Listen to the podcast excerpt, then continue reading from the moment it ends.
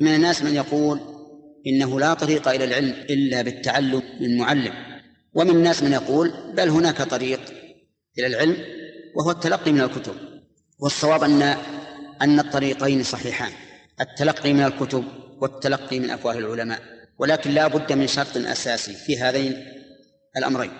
الأول أن يكون الكاتب أي المؤلف موثوقا في عقيدته وفي علمه وأمانته. وكذلك نقول في المعلم لا بد أن يكون موثوقا في عقيدته وفي علمه وأمانته.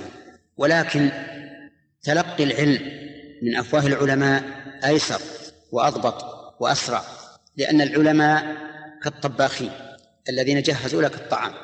بخلاف الذي يعاني طبخ الطعام فإنه يشق عليه وربما يأكله قبل أن ينضج وربما يحرق قبل أن يأكله. فالتلقي من العلماء أيسر. وأضبط. ولهذا نرى بعض الإخوة الذين اعتمدوا في علمهم على قراءة الكتب فقط نرى عندهم أحيانا شطحات بعيدة جدا عن الصواب لأنهم لم يتلقوا عن علماء ناضجين. لكن إذا لم تجد الماء فتيمم صعيدا طيبا. إذا لم تجد العالم الذي تتلقى من فيه فاقرأ الكتب.